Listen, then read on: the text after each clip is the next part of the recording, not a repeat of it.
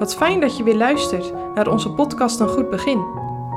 We nemen je mee door het Evangelie van Marcus en we helpen je om van stap tot stap dit Evangelie te begrijpen. Vandaag met Laurens Kroon. We lezen Marcus 10, vers 2 tot en met 12. En de fariseeën tot hem komende vraagden hem of het een man geoorloofd is zijn vrouw te verlaten, hem verzoekende. Maar hij antwoordende zei tot hen, Wat heeft Mozes u geboden? En zij zeiden, Mozes heeft toegelaten een scheidbrief te schrijven en haar te verlaten. En Jezus antwoordende zeide tot hen, Vanwege de hartigheid van uw harten heeft hij u dat gebod geschreven. Maar van het begin der schepping heeft God hen man en vrouw gemaakt. Daarom zal een mens zijn vader en moeder verlaten en zal zijn vrouw aanhangen. En die twee zullen tot één vlees zijn, zodat ze niet meer twee zijn, maar één vlees. Hetgeen dan God samengevoegd heeft, scheide de mens niet. En in het huis vraagden hem zijn discipelen wederom van hetzelfde. En hij zei tot hen, zo wie zijn vrouw verlaat en een andere trouwt, die doet overspel tegen haar. En indien een vrouw haar man zal verlaten en met een ander trouwen, die doet overspel. Zou God nou echt willen dat wij in deze tijd vasthouden aan wat hij eeuwen geleden in de Bijbel heeft laten opschrijven? Alles zomaar aanpassen gaat misschien wat te ver. Maar zou hij het niet oké vinden als wij in onze standpunten een beetje inpassen in de omstandigheden waarin wij nu leven?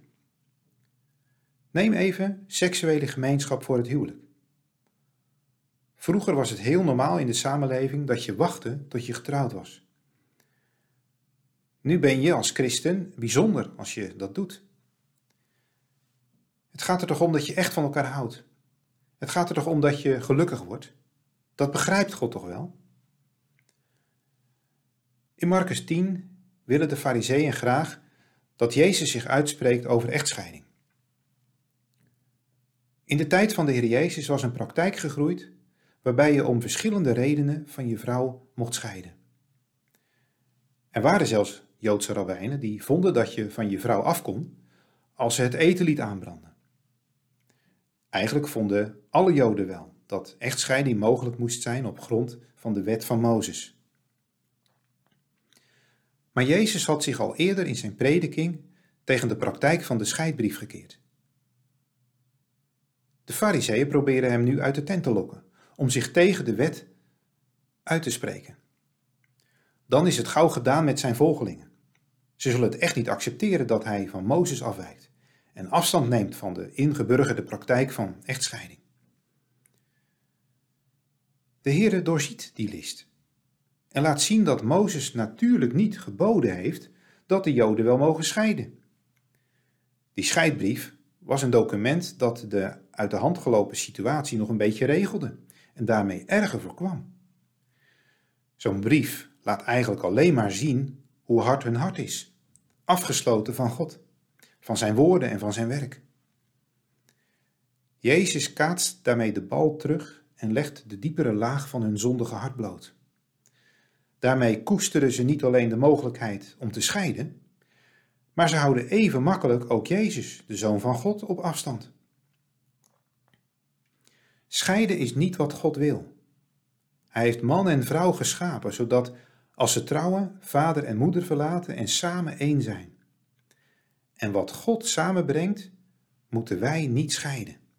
Positief geformuleerd, de Heere gebiedt hier liefde en trouw. Daar verbindt Hij zijn zegen aan.